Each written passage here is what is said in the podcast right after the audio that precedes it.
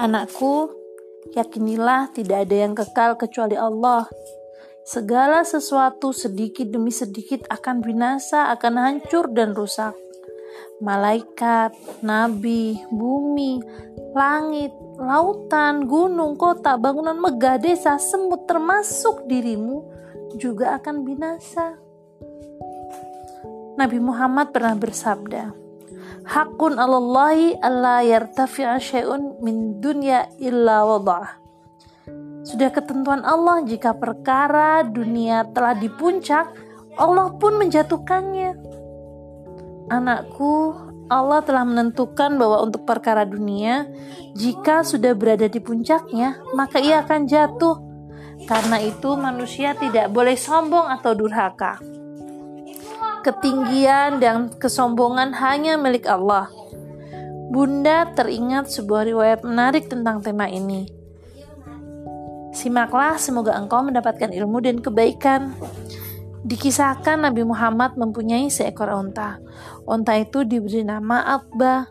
Setiap lomba berpacu, onta Nabi Muhammad itu tidak pernah terkalahkan.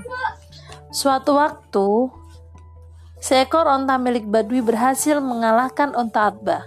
Berita kekalahan itu pun menyebar di tengah kaum muslimin sehingga mereka kecewa dan patah semangat. Mereka kehirangan onta Atbah milik Nabi bisa terkalahkan. Mendengar hal itu Nabi Muhammad pun berkata, Ketentuan Allah jika suatu perkara dunia telah di puncak, setelah itu Allah akan menjatuhkannya. Anakku, Segala sesuatu dari perkara dunia ini tidak ada yang kekal dan abadi kecuali Allah. Manusia atau binatang yang kuat pun bisa kalah atau mati. Kita itu ibarat naik pesawat, semakin tinggi naiknya, maka dunia ini semakin terlihat kecil dari atas. Semakin tua, maka dunia itu semakin menjauh dari kita.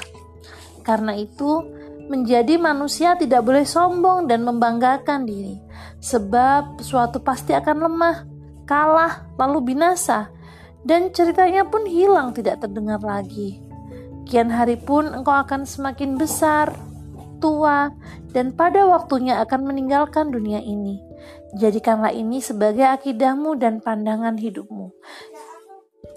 Insya Allah, engkau akan mengetahui hal terbaik yang seharusnya dilakukan di dunia.